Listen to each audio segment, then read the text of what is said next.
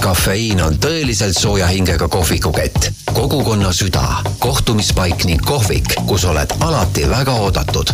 Siin tervitab sind tervislik kehakinnitus ning suus sulav magusamps, ent mis peamine, raudselt maailma parim kohv, mille valmistavad sulle baristad. ja kes veel teab kohvist paremini, kui mitte baristad? kas sina tead, mis teeb kohvist hea kohvi, kuidas valida ube, milliseid jooke meie inimesed armastavad ning mida põnevat toimub kohvimaailmas? kafeiin, baristad teavad tere päevast, täna meie kohvieksperdi podcastis on külalisteks kafeiine turunduskoordinaator Miia Kiho ja kohvispetsialist Andre Leon Rajaste. tere, tere.! kui te peaksite iseloomustama kafeiinkohvikuid, siis mida te esile toote? ma loodan, et ma hääldasin nüüd õieti seda. jah, kafeiin on õige hääldus. ma ütleks, et kafeiin on nooruslik kohvibränd, kohvikute kett.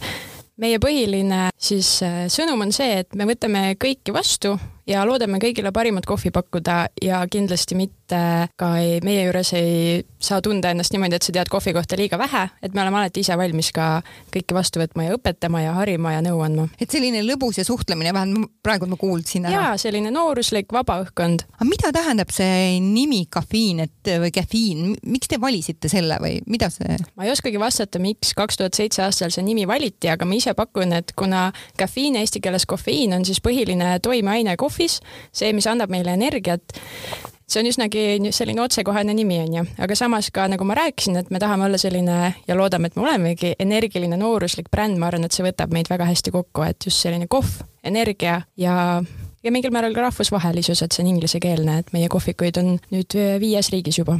ja samas olete te Eestis väga jõudsalt äh, laienenud, et ma vaatasin lausa üllatusega, et Tallinnas vist oli üheksa kohvikut äh, väga erinevates paikades ja Tartus samamoodi. on teil plaanis nagu kuhugile Eestis veel minna või jääte kahe selle suurema linna peale?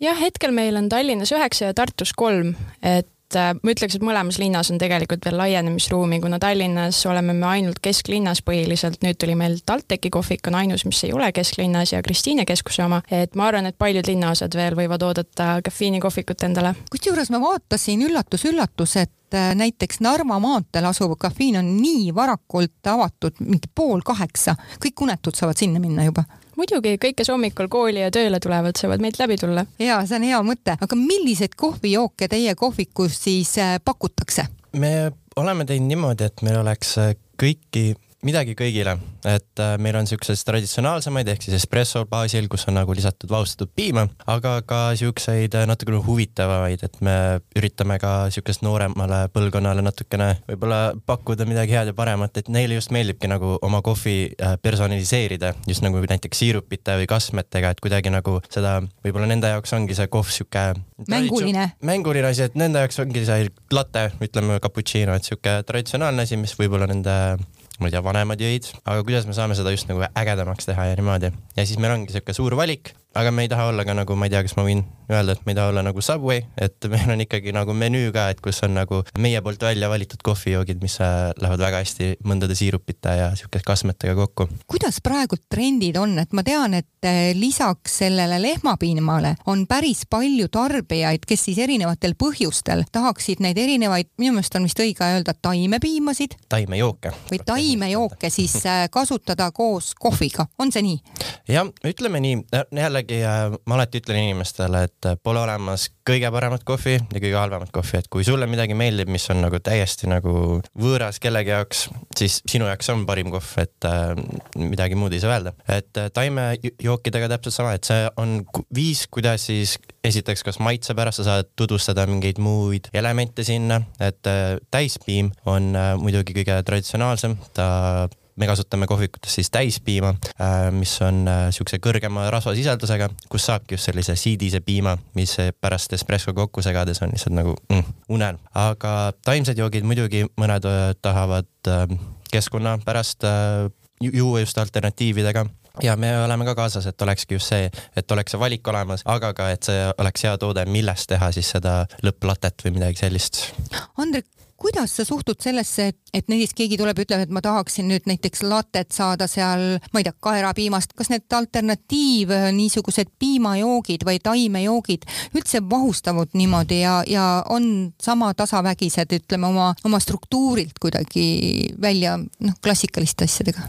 üks-ühele nad kindlasti ei ole täispiimaga, baristade vahel on alati nali, et kui näiteks keegi tellib sojapiima või mandli, vabandust, sojajoogi või mandlijoogiga, et ta, et väga raske on latte arti teha, sest nad vahustuvad täiesti teistmoodi ja ähm, latte art ongi siis see, et kui sul on vahustatud piim, sul on hästi pisikesed mullid seal, mis palja silmaga ei ole näha, palja silmaga ta näeb välja nagu sihuke sulanud jäätis ja sellega siis valame sellise espresso õlikihi peale, milline, milline on kreema, aga siuksed alternatiivjoogid väga hästi sinna ei, peale ei jää näiteks kaerajook ja kookosjoogiga kindlasti, kui tellite sellega, saate väga ilusa kujutise sinna peale. aga kui on jah, näiteks sojajook, siis noh, võib-olla selline süda tuleb, aga aga ma ütleksin, et väga toredaid tooteid on juba olemas, et pea kõik äh, taimejookide tootjad teevad ka eraldi barista piimasid, kus on siis rohkem lisatud, kui ma nüüd õigesti ütlen, siis proteiine, et tekiks parem piimavaht. Ja meil iga aastaga tegelikult tõuseb see taime piima müügi osakaal ja kaerapiim on tohutult populaarne. meil on hetkel valikus neli taimset piima ja kaerapiim on põhimõtteliselt pool sellest, mida on väga rõõm kuulda, sest et see on üks parimaid äh, siis piima alternatiive keskkonnale ka. et äh, tegelikult nagu liigub väga kiiresti see maailm ja need piimad lähevad ka aina kvaliteetsemaks. ma ei ole küll ise niimoodi kasutanud kohvi, kohvit juues siis äh, taimepiima, aga praegult tõesti sind kuulates täitsa tekkis isu, et tahaksin seda tulla proovima. kui me nüüd veel räägime nendest inimestest, kes teie juures käivad või teie klientidest, tean, et teil on selline vahva blogi, kus te olete ka isegi natukene nagu neid inimtüüpe või klienditüüpe seal nagu määratlenud, et millist tüüpi siis käivad teie juures, millised kliendid need on? meil käivad kõik, selles mõttes ei saagi öelda, et mingi kindel vanus või mingi kindel ametikoht või keegi oleks kafiini klient, et meil tõesti päeva jooksul hommikul tulevad kontoriinimesed, päeva jooksul tulevad üliõpilased sinna õppima, peale kooli tulevad mõned teismelised sinna ja neid on tõesti palju erinevaid. nagu me ütlesimegi, me tahame, et kõik oleks meie kliendid. samas, nagu sa ka välja tõid, siis meil on ilmselt ka kindlad klienditüübid ja, ja erinevate kohvide armastajad, nagu siin Andre ka rääkis, et, et kindlasti on mõni cappuccino fänn, kindlasti on mõni noorem karamelli macchiato fänn ja ka mõni kohvispets, kes tuleb, võtab meilt tõesti siis Chemexi või V kuuekümnega valmistatud kohvi. Meil on midagi kõigile. mis on V kuuekümnega?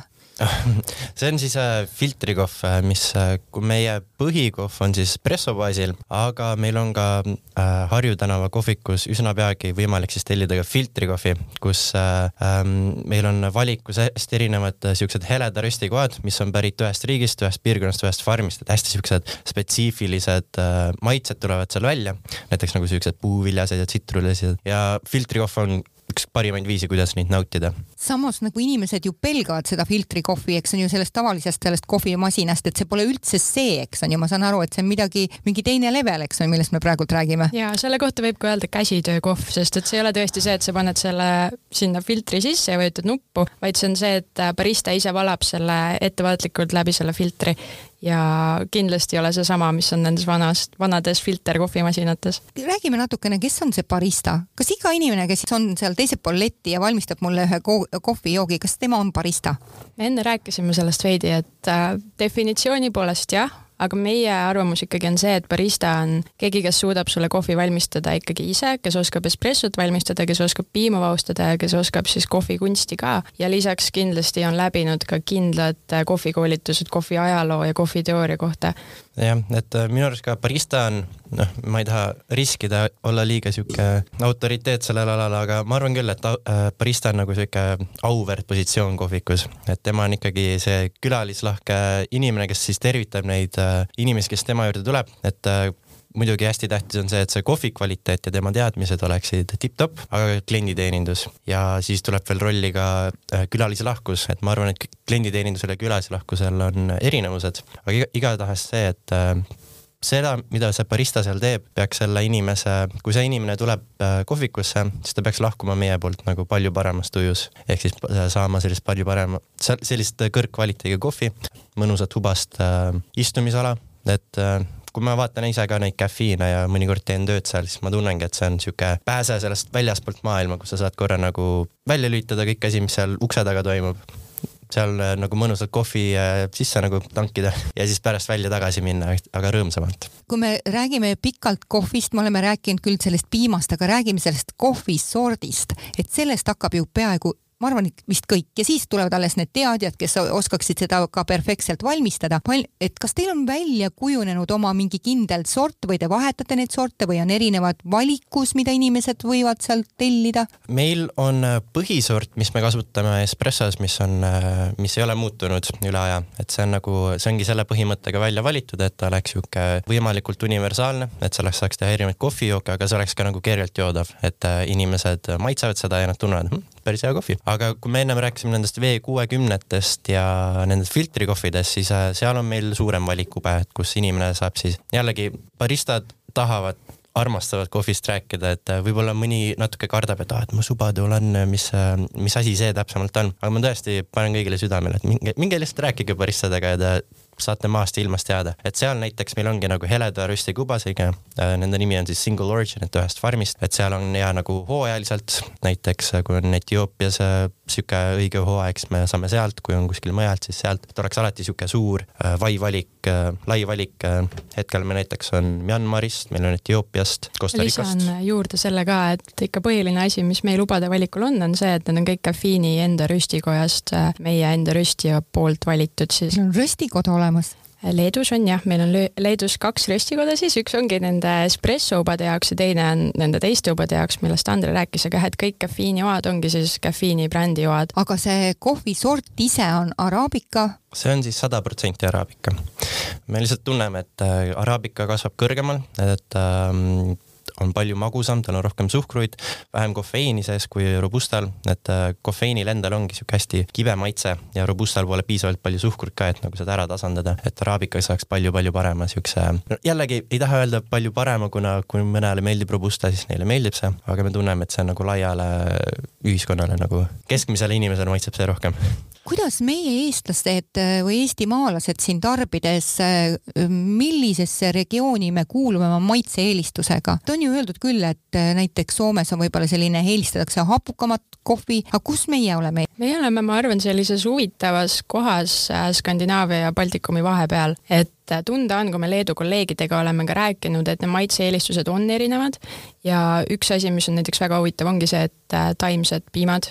Eestis äh, tuli see soov palju-palju varem esile kui Lätis ja Leedus, et äh, paljudes asjades me oleme juba Skandinaaviaga kaasas ja ma arvan, et see maitse-eelistus ka, äh, kindlasti Eesti klient ei eelista võib-olla siis nii happelist kohvi, aga juba päris hea, päris palju küsitakse meie ubade päritolu kohta ja just selle kohta, et et äh, milline espresso on, et mitte, et lihtsalt see oleks mingi magus siirupi ja kastmega jook, et äh, tunda on, et Eesti rahvas hoolib tegelikult sellest äh, kohvi päritolust ja maitsest. tänapäeval ongi hästi tähtis see, et nende ubade jälgitavus, et ja ma olen alati tundnud iga kord, kui sa lähed kohv äh,, kuskil toidupoodi ja kohvi sinna letti, siis äh, me unustame ära, et see on üli-üli eksootiline toode, kus ongi nagu kasvatatud kuskil Brasiilias või Vietnamis või kuskil Etioopias, eks ju, ja käsitsi korjatud ja siis jälle kellegi poolt nagu töödeldud ja siis kellegi poolt röstitud tehtud, et see käib nii, nii mitmest etapist läbi, et väga kerge on lihtsalt nagu võtta see pakk ja olla nagu uh, kohv, aga väga paljud äh, tahavad just seda jälgitavust, et nad teaksid täpselt, mis kohviga tegu on, mis maitsed nad seal tunnevad ja, ja nii edasi.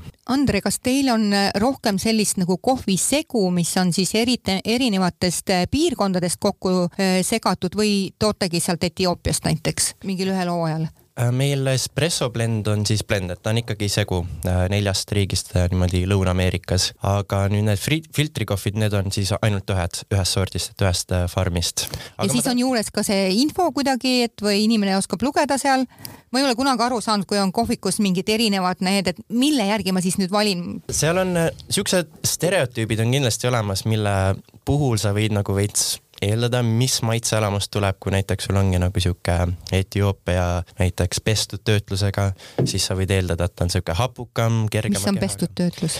Äh, see on siis äh, see samm ennem röstimist, kus üldse see kohvijuba, kuna kohvijuba ei ole tegelikult tuba, ta on siis äh, äh, kivi, ta on siis seeme äh,, mis kasvab marja sees. me peame selle marjast ennem välja saama ja siis selle nimi ongi nagu töötlus äh, pestud äh, töötlusel, siis äh, need toad äh, surutakse sealt kestast välja ja siis nad fermenteerivad vee sees. Ja need, see annab need suhkrud, mis seal tselluloosi ümber ja kõik selle vilja sees on, muutuvad happeliseks, siis tulebki sihuke happeline kergem keha. aga on olemas ka siis kuivtöötlus, kus need oad lihtsalt jäetakse sinna kesta sisse, aga siis nad kuivavad mitu nädalat päikese käes. Ja see on, see ei muuda neid, neid suhkruid happeliseks, vaid see magusus jääbki just, sihuke raskem keha jääb külge. aga üks asi, mis ma tahaks lisada barista puhul, et äh, mul tuli just meelde, äh, mis mulle meeldib öelda, on see, et baristad ise sinna kohvi maitsele ei saa mitte midagi nagu juurde lisada et see on kõik nagu juba selles kasvamisetapis tehtud. muidugi me saame sellega mängida, et mis maitset me tahaks, et kas ta tuleks happeline või natukene mõrudam, aga barista töö on siis nagu võimalikult sada protsenti sellest potentsiaalist välja tuua, äh, sellest kohvijoast. Andre, aga kui sa enne mai-, mainisid nagu seda nüanssi, et näiteks, et äh, kas on pestud või ei ole seda tehnoloogiat kasutatud, et mina näiteks tarbijana kuulen nüüd sellest esimest korda, mind inspireerib see pestud variant, et seal on rohkem võib-olla sellist äh, magusust tuleb välja. Kus ma tavatarbijana saan siis minna ja osta, kas meie poodides on kuidagimoodi ära markeeritud, et mis tehnoloogiaga see uba sealt kätte saadakse? mul on tunne küll, et siuksed suuremad firmad, kes äh, röstivad ube, on hakanud äh, müüma siukseid tooteid, kus ongi nagu. mis kiri seal peab olema, mida ähm, sinna öeldakse? võib-olla ma annan väikse siukse näpunäite ka, et kindlasti, kui te poodi lähete, siis võib-olla kõige parem viis valida kohvi, mis teile maitseks, ei ole selle järgi, mis see röstimislevel seal kirjas on, et pigem see jälgitavus ongi kõige hinnatud, näiteks äh, veiniga, et kohv ja vein on väga äh, Neid võrreldatakse väga tihti, et seal on ka, et ju, et kus farmis on kasvatatud ja kes maale sissetooja on, kõik see võib sulle öelda, mis kvaliteediga tegu on. aga kui sa tahaksid kohvi endale osta, mis ongi nagu sihuke nii-öelda gurmee või specialty kohvi, siis äh, kindlasti jälgi, et seal oleks kirjas, mis röstid on, kust ta pärineb, kas ta on siis nagu sihuke äh, regional ehk ühest piirkonnast või ta on isegi ühest farmist ähm,, mis kõrgusel ta kasvab, et mida rohkem infot selle kohta sa sealt koti pealt lugeda saad, et ei ole lihtsalt kolm kohvi juba viiest või midagi sellist ja mida rohkem infot selle kohta on, siis E, võib eeldada ka, et seal on töötlemine kirjas, et äh, sa, siis sa tead, et täpselt. ja mis... ma lisan ka, et ja. Kindlasti on tegelikult väga hea minna kohvikutesse ostma just kohvijuba, et äh, sealt sa saad mitte ainult ise lugeda paki pealt, vaid meie baristad on kõik ju välja koolitatud seda infot edasi andma, et võidki täitsa minna, võtta paki kätte, et mis see tähendab ja nad seletavad sulle kõik ilusti lahti. kas teie kohvikus saab ka kohvi siis näiteks jahvatatud kohvi kaasa osta? ja saab ikka, enamasti meil on muidugi kohvioad pakis, need säilivad mm. niimoodi kauem ja paremini, aga mõnes kohvikus meil on ka kohapeal olemas jahvatid ja saab täitsa vastavalt siis sinu vajadusele õige jahvatusastmega selle ära jahvatada. palju neid sorte on või, või ongi ainult üks valik või et kui ma nüüd tulen oma tulen kas kotikesega või tulen, ostan teie juures seda. mis valikud teil on seal? meil jaotuvad kaasamüügioad äh, kolmeks põhimõtteliselt, meil on segud, blendid mis on siis erinevate riikide segu, siis meil on, need on keskmise röstiga, siis meil on piirkonnakohvid keskmise röstiga, kus on siis segu erinevatest farmidest ühes piirkonnas ja siis meil on heleda röstiga farmikohvid, mis ongi siis ühest spetsiifilisest farmist, et tegelikult üsna lihtne, et mis sulle kõige parem tundub ja hinnaklassid on ka veidi erinevad, et farmikohvid on loomulikult kõige kallimad. kas võib nagu järeldada, et hele röst on siis kõige mahedam või, või ei saa nii lihtsalt teha võrdlustmärki sinna? ma ei ütleks niimoodi ähm võib-olla parem oleks öelda, et heledas röstis on kõige rohkem tunda neid ähm, originaalmaitseid, mis on siis sellest maapõuest sinna kirsi ja sinna kivi sisse jäänud ähm,. nüüd, mida tumedamaks me hakkame röstima, seda rohkem hakkavad need originaalmaitsed vahetuma siis nende röstimisjärgsete maitsetega, et eks ju, et keskmine veel on sihuke magus vahepealne, kus sul ongi seda originaalmaitset, aga juba hakkavad siuksed karamellised ja šokolaadised äh, maitsed tulema ja siis tumedas röstis ongi nagu sihuke suitsune ja tume šokolaad, mis ongi siis nagu röstitud, et, et aga heledas röstis on ja, et ta on kõige sihuke, hästi palju röstikudasi kasutab siukest sõna nagu funky, et ta on nagu kõige sihuke huvitavam või sihuke potentsiaali nagu tohutult, et mis sealt välja võib tulla. oleneb kindlasti, kuidas sa lihtsalt armastad ka oma kohvi juua kui sulle meeldibki sinna juurde panna piima, siirupeid, kastmeid, siis ma ei ütleks, et see heleröst on kõige vajalikum, et võib-olla just pigem, mis ongi veidi šokolaadine või karamelline, mis just siis sobib sinna hästi juurde, aga samas, kui sa armastad teha omale lihtsalt musta kohvi hommikul filtriga, siis on just, ongi see heleröst on nii huvitav, sa saad tunda sealt kohvivast endast neid maitseid. kas siirupite või kastmete, nagu te ütlete, lisamine sinna joogisse, kas see on nüüd nagu mingi uus trend? see ei ole kindlasti uus trend. aga ta on kasvav või? ma arvan, et see on Starbucksis juba ammu-ammu trend olnud äh, mitukümmend aastat. lihtsalt on meile lõpuks nagu siia tulnud äh, nende ja, valikutega. ka juba tükk aega olnud, aga see on jah, see annabki just selle võimaluse kliendile, et ta saab siis omale selle oma kohvi nagu kokku selle komplekti nagu panna ja see annab hästi palju mängimisruumi mida te ütlete nendele kohvi äh, kes ütlevad, et äh, see siirup või kaste, et see tapab selle õige kohvi maitse ära? kindlasti ta varjab selle ära, aga tegelikult ma ütleks selle kohta ka, et võib-olla täna meil käibki kaheksateistaastane, kes võtab ainult karamelli macchiatot, võib-olla paari aasta pärast ta võtab cappuccinot ja võib-olla veel paari aasta pärast ta tuleb, võtab puhast espressot, et me ei pane pahaks midagi, peaasi, et sa tuled meile ja armastad kohvi ja see on meile piisav. räägime veel sellest, et kuidas valmib hea kohvijook et mida selleks tuleb üldse teha või olla valmis või ettevalmistus? paljud inimesed ei tea, nad mõnikord vaatavad baristasi pealt ja see, mis nad teevad, on see lihtsalt maagia või sihuke show, et äh, aga et seal on hästi palju väikseid nüansse, mis peavad kõik olema tehtud sajaprotsendiliselt, et see lõpp toode oleks siis äh, imemaitsev. ja, et ma näeksin seda mustrit seal peal, näiteks kaks lehekest või süda, eks. jah, et äh, no see on äh, latte art ja ma alati ütlen, et latte art on nagu sihuke tempel või allkiri selle barista poolt, et ja, et piim on nagu väga hästi tehtud ja et see on nagu minu see garantii. aga enne kui piima juurde jõuame, siis me peame üldse selle kohvi, eks ju, ära jahvatama, et kodus ka, kui inimesed tahavad kohvi nautida ja kõige parem viis ongi siis just värskelt jahvatatud, et sihuke grinderi saab või jahvati saab soetada endal üsna odavalt, et sihuke elektriline või kasvõi sihuke manuaalne. ma tahtsin just küsida, et kui need vanad on, et kas sellega ka saab piisavalt head või peab olema seal midagi eriti peenike jahvatus? oleneb, mis kohvi sa saaksid teha, et äh, mida väiksem äh, jahvatus sul on, seda rohkem pindala sul on äh, selle ja seda kiiremini sul toimub siis ekstraheerimine ehk siis kuidas see vesi võtab kõik need aroomid ja maitsed ja äh, need elemendid sealt kohvist välja äh,. näiteks espresso jaoks oleks vaja hästi-hästi peent, aga kui me hakkame filtri kohvi tegema, mille valmimisaeg ongi kuskil kolm kuni võib-olla isegi neli minutit äh,, seal oleks vaja jämedamat, et see ekstraheerimisaeg on pikem. aga kui minna tagasi sinna eelmisesse küsimusse, siis äh, jah, et hästi tähtis on see, et see espresso oleks äh, valmistatud õiget moodi, et äh, see on siis tampimine ja õige õige jahvatusaste ja õige see veekogus, et kui äh, seal läheb midagi nagu nihu, siis sa võid riskida sellega, et sul tuleb liiga mõru kohv või sul tuleb liiga hapu kohv, et sul on vaja niisugust balanssi äh, hapu, magusa ja mõru vahel ja siis tulebki niisugune umami maitse nii-öelda. ja siis piim, eks ju, et see peab olema ka niisugune siidine tekstuuri, tekstuuri poolest ja ilusa väljanägemisega ka. Andrei, ma arvan, et on päris õige vist sinu käest küsida seda, et äh, kuskohast on tulnud see harjumus, et espresso kõrvale pakutakse klaas vett või mis ta peaks nagu välja tooma?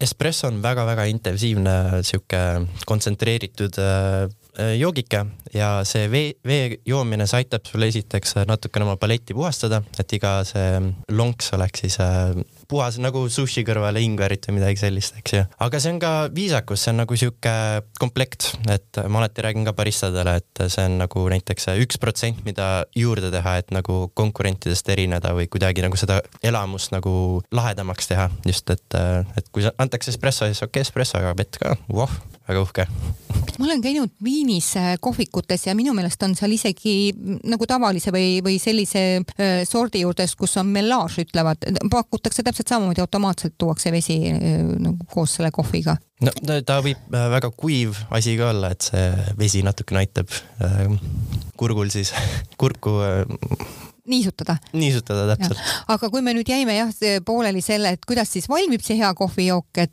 äh, mis siis oleks nagu need põhi niisugused, millele nagu siis sa ise ütled, et võiks nagu tähelepanu pöörata? kohvi puhul ongi see ekstraheerimine, see kuldpunkt, mis, mis mängib kõige suuremat rolli, et kui suur su jahvatus on, kui peene jahvatus, kui suur veekogus, mis temperatuuril see on.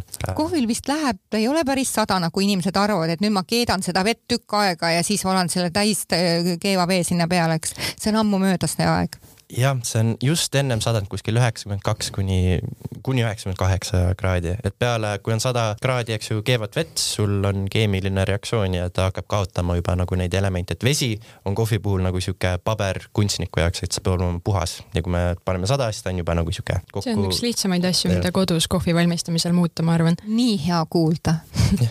Sest ma arvan, et väga paljud inimesed selle esimese äh, reegli vastu eksivad või ei tule selle peale ja kuum temperatuur muidugi ka peidab äh, kohvi maitset, et äh, väike eksperiment kodus, et tehke kohvi valmis, maitske, kui ta on kuum ja siis iga nagu paari minuti tagant, kui ta on leigem, et see täiesti erinevad maitse nüansid tulevad välja. ja hea kohv on külmalt ka väga maitsev. kusjuures naljakas on, kui me räägime sellest kohvi joomise temperatuurist, et millegipärast nendes kriminullides on alati see, et uurija teeb mingit kanget kuuma kohvit ja siis kõrvetab oma suud ära ja noh, siis tulevad nagu kõige paremad ideed, eks on ju, aga see ei ole nii see on kuidagi romantiseeritud ja äh, ma arvan, et äh, kõigil on nagu sihuke, see on nagu sihuke nostalgia ka, et kõigil on, äh, ma eeldan vähemalt mul on olnud sihuke kogemus, et äh, lapsena siis vanemad jõid ka siukest, mida ma kutsuks tänapäeval nagu tõrvaks, et nagu sihuke hästi tumeda rösti, hästi kuuma nagu veega ja see algul nagu hirmutas ära natuke kohvi puhul, et ah, see ongi kohv või, aga siis, kui hakkasin. ja siis hiljem inimesed ütlevad, et oi, mul oli maitsekohv. mul oli maitsekohv, jah, neil ongi see negatiivne mm, eeldus ja nad ei anna teist võimalust, aga ma alati ütlen, et sa pole lihtsalt proovinud seda kohvi, mis sulle maitseb. ma arvan, et siin on üks suur seos ka see, et äh, sellest see aeg, millal need kriminullid või raamatud kirjutati, oli ammu ja tegelikult kohvimaailm ja ubade kvaliteet on teinud ju just viimase paarikümne aastal nagu tohutu hüppe. ehk siis äh, see uba, mis seal oli, võib-olla ta oligi väga-väga tumeda röstiga, võib-olla ta oli robusta, võib-olla ta oligi joodav ainult väga-väga kuumalt mm -hmm. ja tahtsidki oma keele ära kõrvetada, et seda juua kas teie juurde on ka need inimesed oodatud, kes ütlevad, et mul ei maitse kohvi? jaa, loomulikult. ka sellest Andre tegelikult kirjutas väga ägeda blogipostituse ja nagu ta seal rääkis, et äh, tihtipeale ongi inimestel on mingi halb kogemus olnud ja nad ei ole lihtsalt leidnud seda kohvi, mis neile maitseb, et joovad ühe korra väiksena näiteks maitsevad onju emalt või isalt ja ongi mingi halb pätikas ja ütlevadki, et mul ei maitse. ja tegelikult seal postituses just Andre kirjutaski, et mida siis proovida, mida teha, et võib-olla sulle siiski maitseb ja samas, kui ei maitse, on ka inimesed täiesti oodatud meie kohvikusse, et meil on teed, kakaod, meil on erinevaid toite, meil on väga ägedad äh, terviselated, näiteks matša ja kurkumilated, et äh, kõigile Oo, kõlab nii huvitavalt. jah, et äh, selles mõttes kõigil on midagi, et ei tasu häbeneda ka kafeiini, kui kohvi ei armasta. ja ei diskrimineeri neid ka, kes, kes võib-olla ei talugi seda kofeiini nii, nii hästi kui teised, et äh, saab, igat jooki saab teha ka siis äh, decaf versiooni või kofeiinivabalt. kuidas seda valmistatakse? protsess näeb välja sihuke, et äh, tehniliselt ta pest-, see kofeiin pestakse mitu korda sealt välja, aga lõpuks ikkagi see ei ole nagu sada protsenti kofeiinivaba, et seal on üks kuni kaks protsenti umbes niimoodi alles, aga see on ikkagi väga-väga väike võrreldes siukse tavalise kohviga. jälle midagi täiesti siukest, et tahaks kohe proovida, et milline ta siis on, aga maitse on siis ikkagi nagu oleks kohvi või ja, kuidas? ta petab ära küll, et äh, tal võib-olla ei ole nagu siukest, siukest, nagu ma ütlesin, kofeiin ongi äh, siuke natukene kibedam, et tal võib-olla see mõrusust. et need, kes pelgavad, et õhtul ei saa enam und, aga õhtul tahaks kohvi juua, et see oleks ideaalne. jah, absoluutselt sest mina alati teen selle vea kuidagi, et, et külas olles ma ei suuda loobuda kohvist ja siis mu öösel olen võib-olla rohkem nagu üleval ja mõtlen, et miks ma siis ei öelnud ei. aga meie saateaeg hakkab ümber saama, et kas on midagi, millele tahate veel ekstra tähelepanu juhtida? meie poolt lihtsalt seda, et ootame kõiki caffeine-kohvikutesse, meil on tulemas siin suvehooajal väga põnevaid uusi jooke, mida tasub tulla proovima. Ja võin saladuskatte all öelda, et isegi ka huvitavad kohvikokteilid, mis on meie jaoks uus asi, külmad on siis uued, et meil talvel olid siin Baileysega flat white ja Iiri kohv esimest korda, et et äh, tulge kafiini ja proovige, et äh, me katsetame ja loodame, et teile ka meeldib. Nende toredate teadmistega jääme seekord hüvasti ja täna oli meie kohvieksperdi saates äh, turunduskoordinaator Miia Kiho ja kohvispetsialist Andre Leon Rajaste. mina olen saatejuht Juuli Nemvalts kafeiin on tõeliselt sooja hingega kohvikukett, kogukonna süda, kohtumispaik ning kohvik, kus oled alati väga oodatud. siin tervitab sind tervislik kehakinnitus ning suus sulav magusamps. ent mis peamine, raudselt maailma parim kohv, mille valmistavad sulle baristad. ja kes veel teab kohvist paremini kui mitte baristad? kas sina tead, mis teeb kohvist hea kohvi, kuidas valida ube, milliseid jooke meie inimesed armastavad ning mida põnevat toimub kohvimaailmas? kafeiin, baristad teavad